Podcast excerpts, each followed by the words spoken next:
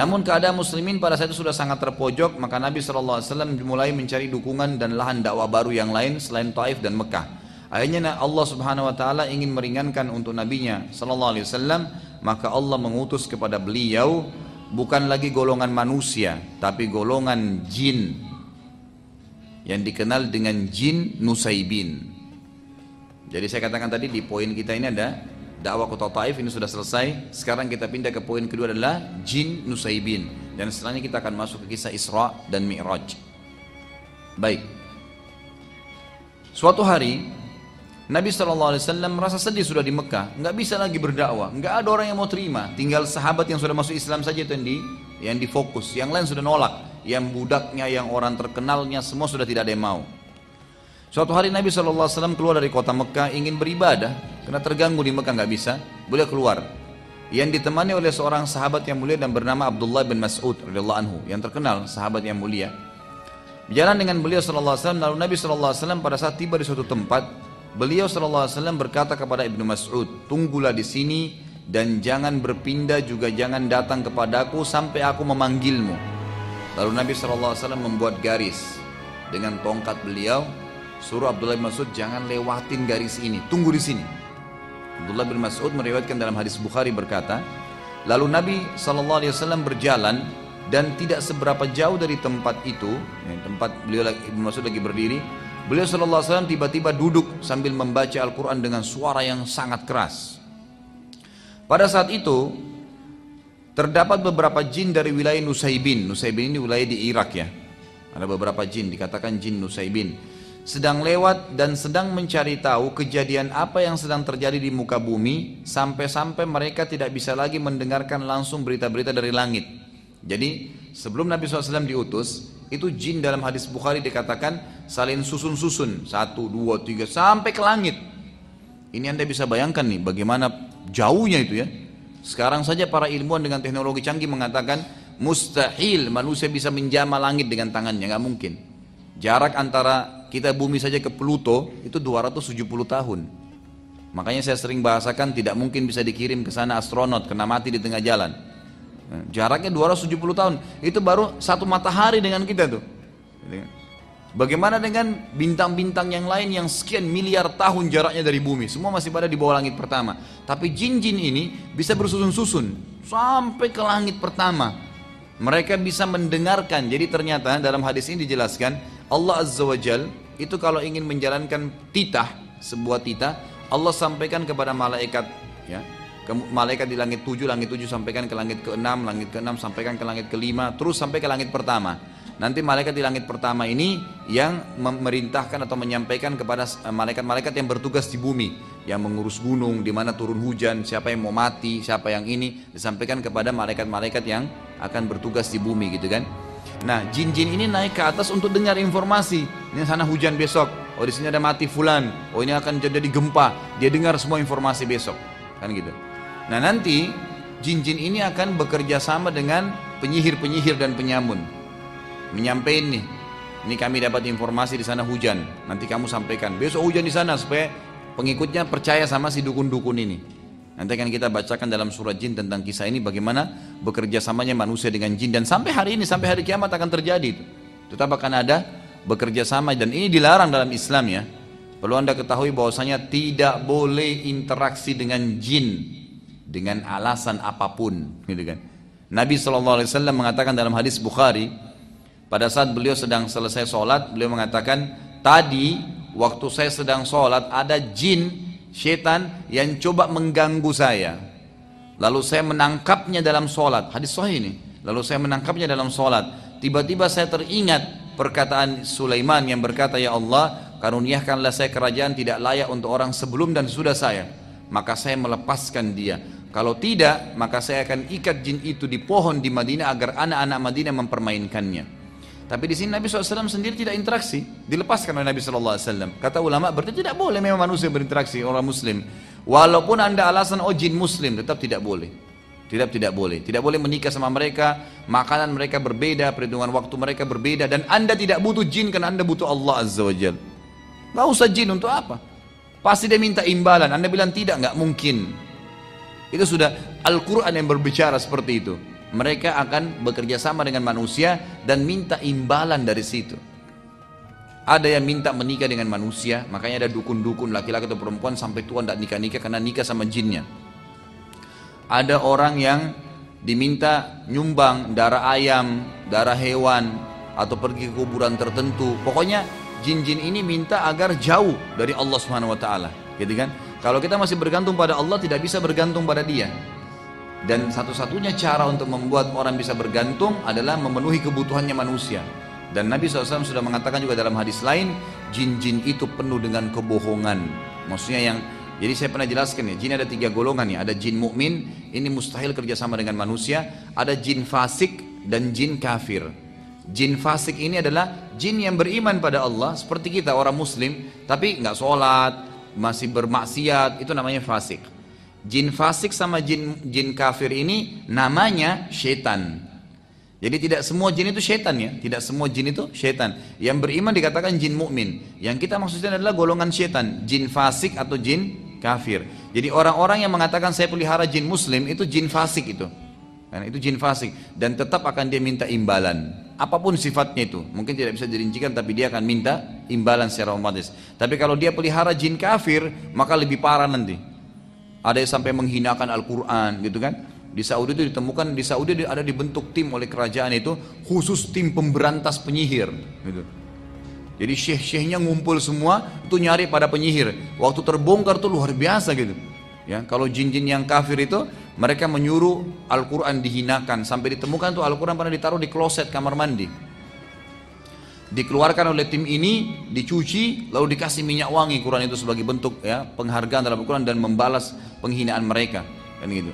Ada di antara perempuan-perempuan yang ber, yang berinteraksi sama jin kafir ini, kalau mereka supaya suaminya takluk atau tuannya takluk, maka darah haidnya diteteskan di lembaran-lembaran Quran. Nah, itu banyak contoh-contoh dan saya saksikan sendiri itu.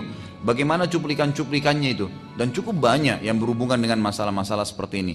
Dan saya sarankan Anda membeli buku yang kecil, mungkin harga 5.000 atau 7.000 rupiah itu membongkar praktek sihir dan e, kedukunan diterbitkan oleh Pustaka Tazkiyah ya.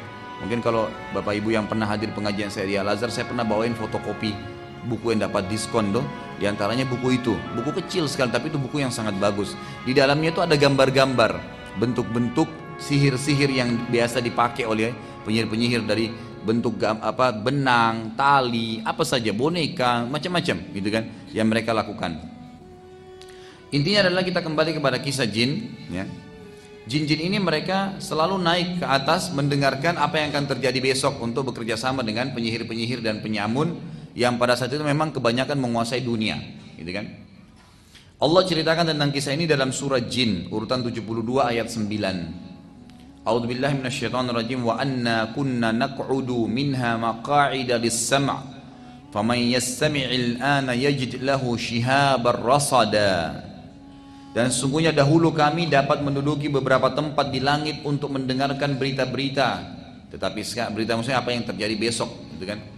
Tetapi sekarang barang siapa yang mencoba mendengarkannya tentu akan menjumpai panah api yang mengintai atau membakarnya. Dikatakan dalam hadis Bukhari yang lain bahwasanya Nabi SAW bersabda, jin-jin dulu mereka susun untuk mendengar berita dari langit. Setelah aku diutus, kata Nabi SAW, maka uh, jin-jin apa langit itu dijaga oleh malaikat-malaikat dijaga oleh malaikat-malaikat. Yang malaikat-malaikat ini memegang bintang-bintang yang dipakai untuk memanah jin-jin itu. Makanya kan fungsi bintang itu kan ada tiga ya. Untuk rujuman lisyayatin, memanah setan-setan yang datang mendengarkan berita. Kemudian dalam, dalam ayat yang lain di surah Al-Mulk dijelaskan itu zina, perhiasan. Inna zayyana sama'ad dunya, gitu kan? Bizinatil khawaqib. Dan kami hiasi muka bumi, uh, langit bumi ini dengan bintang-bintang ya. Wa hifdhan min kulli syaitanin uh, dan untuk, untuk menjaga juga dari syaitan-syaitan yang datang gitu kan? Kemudian fungsi yang ketiga adalah menjadi petunjuk bagi orang. Di lautan di mana-mana itu fungsi bintang-bintang. Fungsi bintang-bintang. Itu yang dijelaskan oleh Allah Subhanahu wa taala. Baik. Saat Nabi sallallahu alaihi wasallam ya sedang membaca Al-Qur'an tadi ternyata jin-jin dari Nusaibin ini kan lagi keliling di muka bumi. Mereka sempat bilang dari lanjutan hadis Bukhari tadi, lalu jin-jin ini berkata, pasti ada penyebabnya. Kenapa langit sekarang dijaga? Dulu sebelum Nabi Muhammad SAW itu tidak ada. Boleh sama Nabi Musa, Nabi Daud, semua Nabi sebelum Nabi Muhammad SAW itu mereka masih bisa dengar. Makanya masih bersaing antara dakwah Nabi dengan para penyihir ini gitu kan. Setelah Nabi SAW itu tidak bisa lagi. Malaikat jaga. Mereka dipanahin. Walaupun masih ada yang sempat lolos tapi sedikit gitu kan. Itu pun sempat dipanah. Nanti akan dijelaskan juga dalam surat jin itu bagaimana Allah Subhanahu wa taala menjelaskan ada di antara mereka yang sempat lolos mendengarkan sedikit langsung mereka turun lagi. Dan itu pun dipanah oleh para malaikat tadi. Waktu mereka bilang, akhirnya mereka bilang pasti ada sesuatu terjadi di muka bumi, nggak mungkin. Ada penyebabnya nih, kenapa tidak tidak bisa dengar lagi.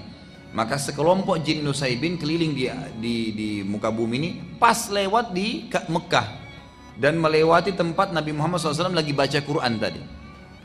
Nah ini sebenarnya dengan hikmah Allah SWT. Allah memang yang sengaja mengutus jin-jin ini gitu kan. Saat melewati Nabi SAW jin-jin Nusaibin ini mereka pun berhenti dan berkumpul untuk mendengarkan apa yang Nabi SAW sedang baca. Ini menandakan jin itu membaca gitu kan.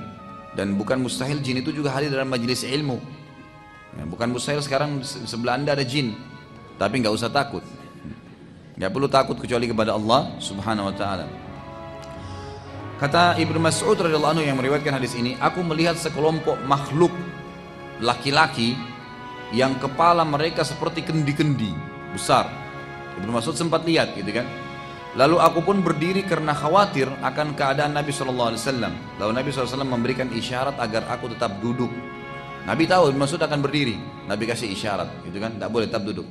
Karena banyaknya jin yang datang mendengarkan Al-Quran sampai kata Ibnu Mas'ud, aku tidak bisa lagi melihat Nabi SAW karena dipenuhi oleh orang-orang ini yang kepalanya seperti kendi-kendi dan mereka tinggi besar, gitu kan? Allah Subhanahu wa taala menceritakan tentang kejadian tersebut masih lanjutan surah jin tadi. Jadi kita dibahas banyak surah jin karena memang surah jin menjelaskan tentang masalah itu. Surah Jin urutan 72 ayat 19 menceritakan tentang bagaimana Nabi SAW dikerumuni oleh jin-jin Nusaybin itu. A'udzubillahi minasyaitonir wa annahu lamma qama abduhu Abdullah yad'uhu kadu yakununa alaihi libada. Dan bahwasanya sewaktu hamba Allah Muhammad sallallahu alaihi wasallam berdiri hendak menyembahnya dengan membaca Al-Qur'an, hampir saja jin-jin itu desak mendesak untuk mengerumuninya. Ini ayat Quran surah Jin ayat 19. Saat mendengarkan Al-Quran, maka jin-jin tersebut jadi memahami apa saja yang telah terjadi, termasuk penipuan iblis kepada mereka bahwasanya ada sesembahan selain Allah. Jadi kisahnya begini, iblis ini sebenarnya golongan jin. Salah kalau ada yang mengatakan iblis itu rajanya jin, salah.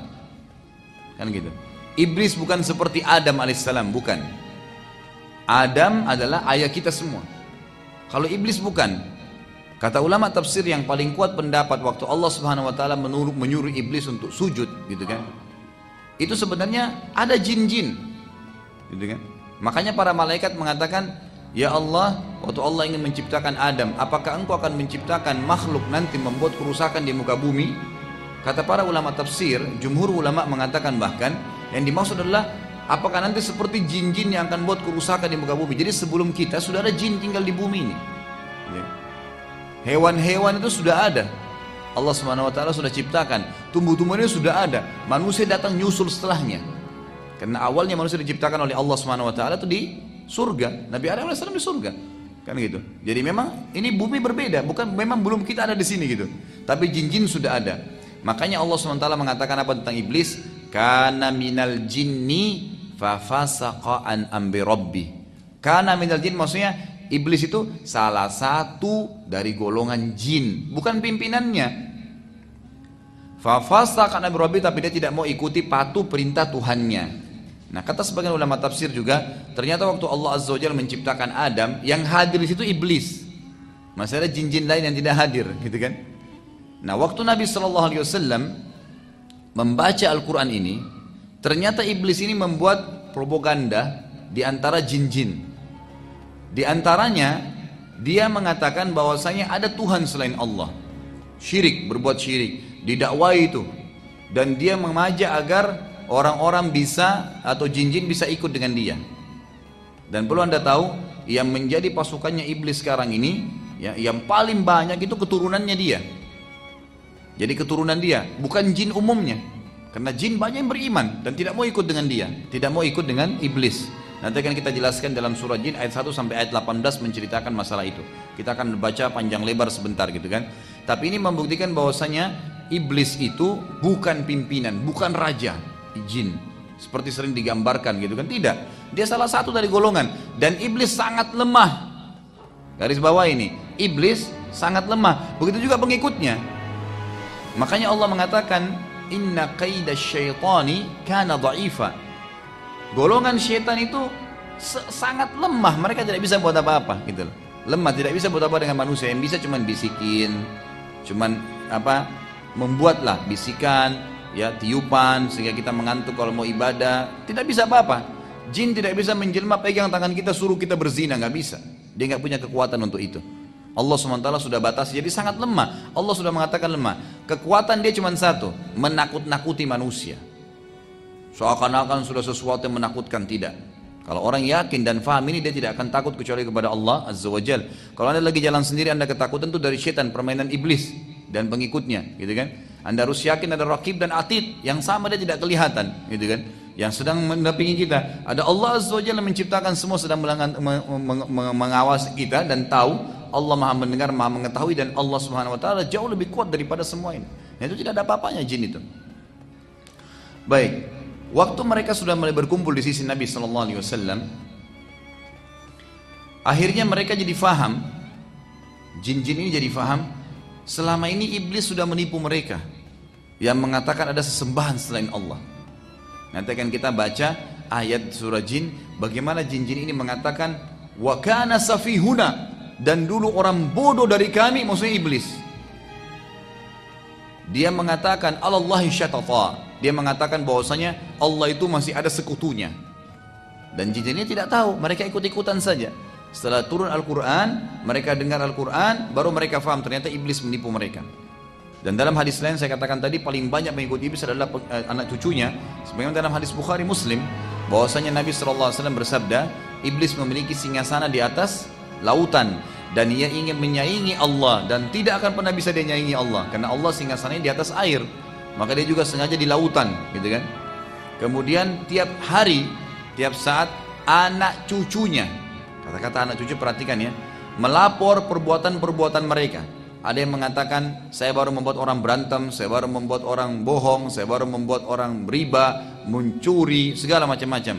Bagi iblis semua dianggap laporan biasa. Sampai ada anak cucunya yang mengatakan saya baru menceraikan suami istri. Diangkat oleh iblis didudukkan di sebelah singgasananya karena dianggap itu prestasi paling tinggi. Makanya anda harus tahu iblis paling senang perceraian. Gitu. Jadi jangan pernah cerai.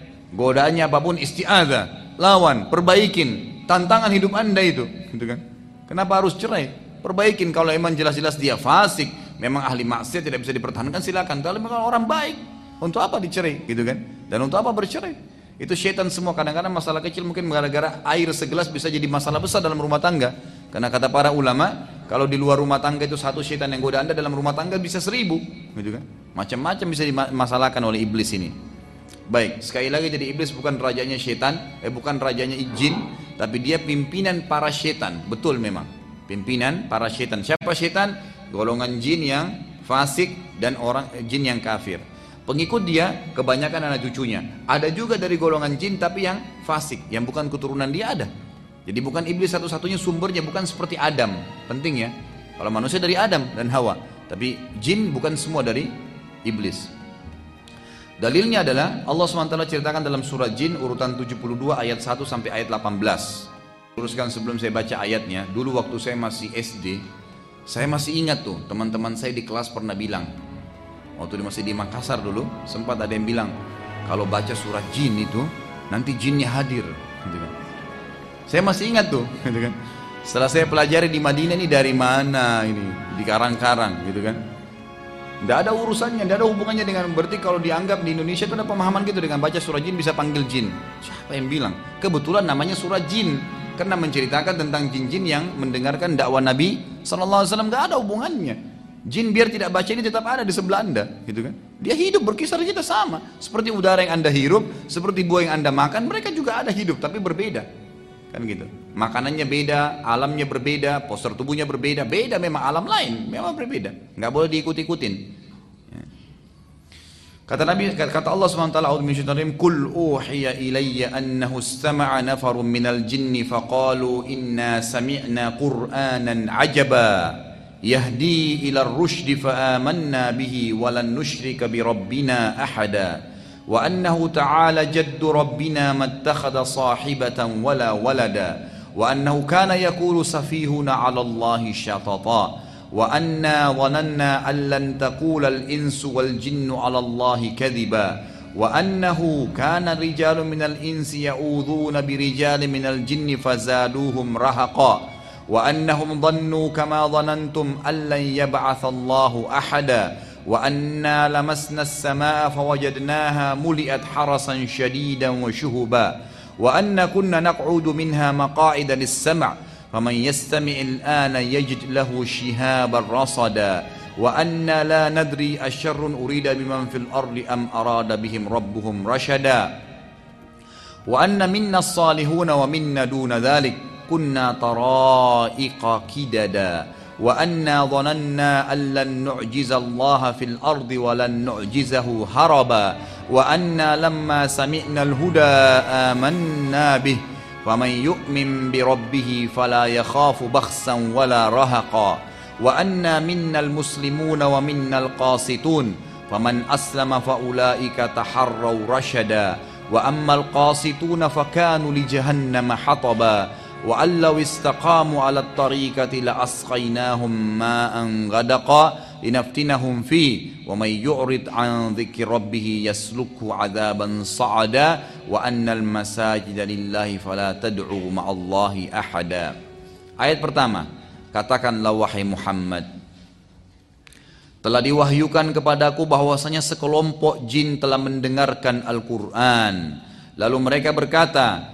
sesungguhnya kami telah mendengarkan Al-Quran yang menakjubkan. Jin kagum sama Al-Quran. Nggak anda nggak perlu jimat-jimat. Jin aja kagum sama Quran, kok anda kagum dengan jimat? Aneh sekali. Gitu kan? Ayat kedua, yang memberi petunjuk pada jalan yang benar. Al-Quran ini luar biasa power gitu kan. Memberi petunjuk, bisa menyentuh hati orang menangis, bisa menyentuh hati orang jadi takut, bisa menyentuh hati orang jadi senang. Luar biasa Al-Quran itu. Cuman tinggal mau nggak dijadikan sebagai petunjuk. Lalu kami beriman kepadanya. Perhatikan di sini kata ulama tafsir. Spontan, jin punya hitungan waktu yang berbeda dan mereka khusus untuk mencari hidayah yang berimannya lebih cerdas daripada manusia. Ada banyak istidlalnya berhubungan dengan masalah ini, ada banyak bukti-buktinya. Di antaranya adalah kata Allah SWT tadi, pada saat mereka dengar Al-Quran, itu cuma dibacain beberapa ayat ya. Bukan semua Quran, beberapa ayat. Langsung, yang memberi petunjuk pada yang benar, lalu kami beriman kepadanya. Langsung, oh ini sudah benar, nggak mungkin salah, langsung diikutin, nggak ragu, gitu kan? Dan kata Nabi SAW, waktu Allah Subhanahu Wa Taala menurunkan ayat surah Rahman, fabi ayyi rabbikuma tukadziban. Lalu nikmat apa lagi yang kalian mau pungkiri? Maka kata Nabi SAW, golongan dari jin langsung berkata, tidak ada lagi ya Allah yang kami bisa bantah. Dan kalian tidak berbicara itu. Kata Nabi SAW kepada manusia, kalian tidak bicara jin langsung spontan takut kepada Allah Azza wa Jal, gitu kan. Lalu dikatakan dan kami sekali-kali tidak akan menyekutukan seorang pun dengan Tuhan kami. Ayat ketiga dan bahwasanya maha tinggi kebesaran Tuhan kami. Jin-jin ini memuji Allah Azza wa Jal, mengakui itu. Dia tidak beristri dan tidak pula beranak. Ayat keempat. Dan bahwasanya orang yang kurang akalnya dari kami maksudnya adalah iblis. Jin-jin ini mengatakan wa kana yaqulu safihuna. Dan dulu safihuna itu orang bodoh dari kami. Yaqulu 'alallahi syatata. Dia mengatakan tentang Allah perkataan yang melampaui batas bahwasanya Allah punya istri dan punya anak jadi dari ayat ini dibongkar kata ulama tafsir keyakinan orang Nasrani sekarang itu murni dari iblis bahwasanya ya Allah punya istri dan punya anak Sebagian sekte Nasrani mengatakan tidak, bukan ayahnya Isa itu ya Allah. tapi tetap dia anak Tuhan. Bagaimana cara memahami ini? Kan tidak mungkin tidak ketemu, tidak connect gitu.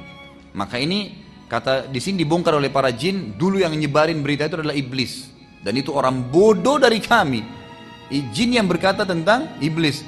Anehnya masih ada orang mau ikuti iblis. Jin aja tolak dia gitu. Baik, ayat kelima.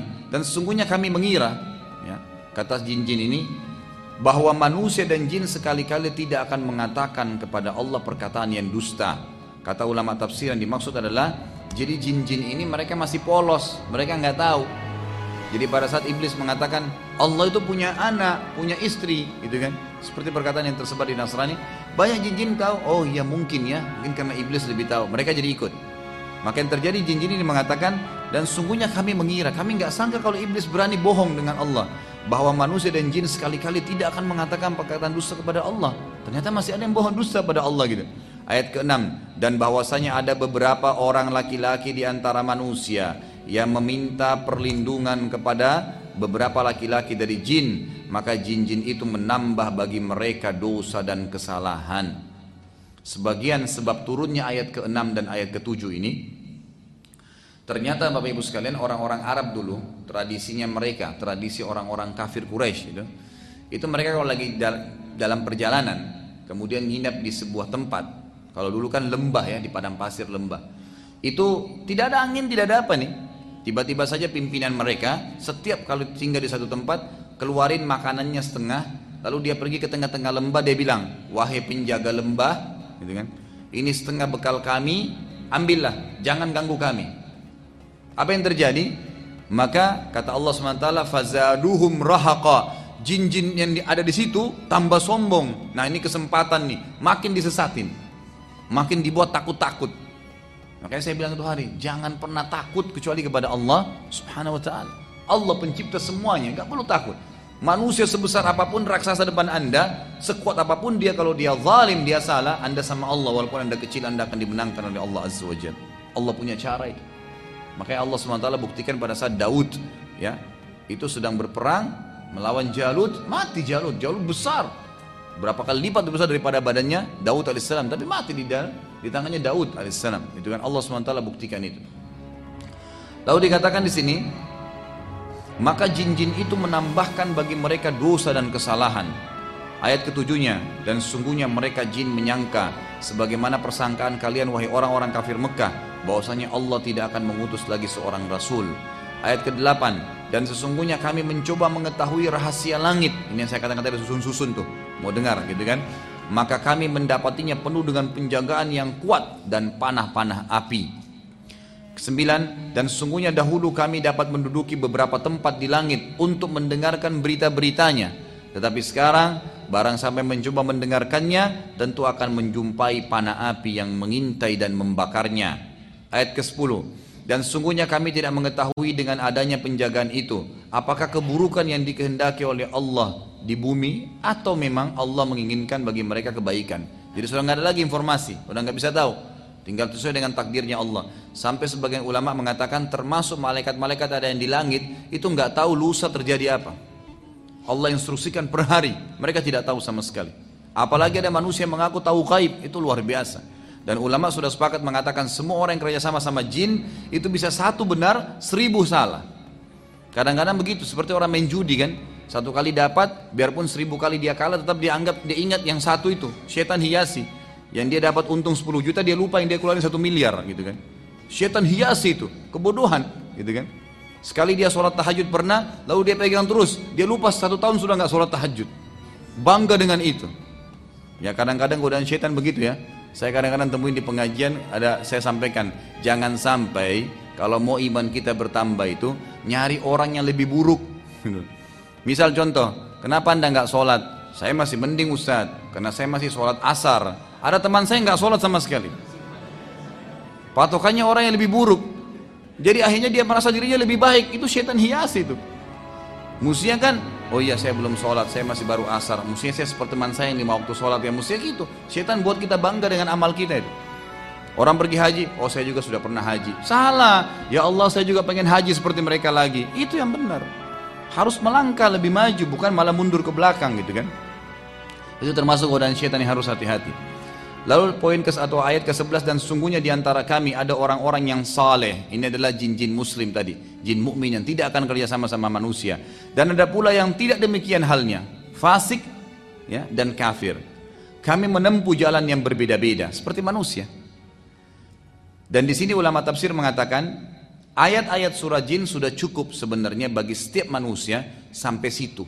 Jangan lagi dalami alam jin, nggak perlu. Bagaimana mereka menikah, mereka tinggal di mana, seperti apa kehidupannya, nggak perlu kita dalamin itu. Cukup kita tahu ada ada makhluk namanya jin, seperti selesai. Ada makhluk namanya manusia, eh, namanya malaikat, udah selesai. Kalau ada informasi sampai kepada kita, kita imanin. Kalau tidak ada, jangan dikorek-korek, nggak perlu.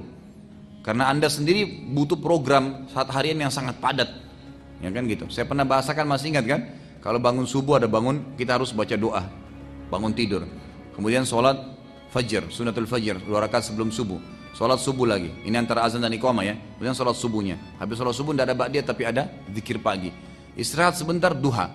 Sebentar lagi istirahat duhur. Qabliyah duhur, duhurnya ba'diyah duhur. Istirahat sebentar asar.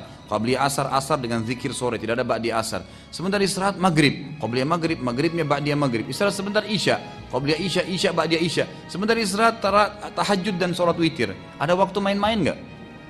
Udah nggak ada. Sekali kita lalai itu bablas hilang tuh. Kan gitu.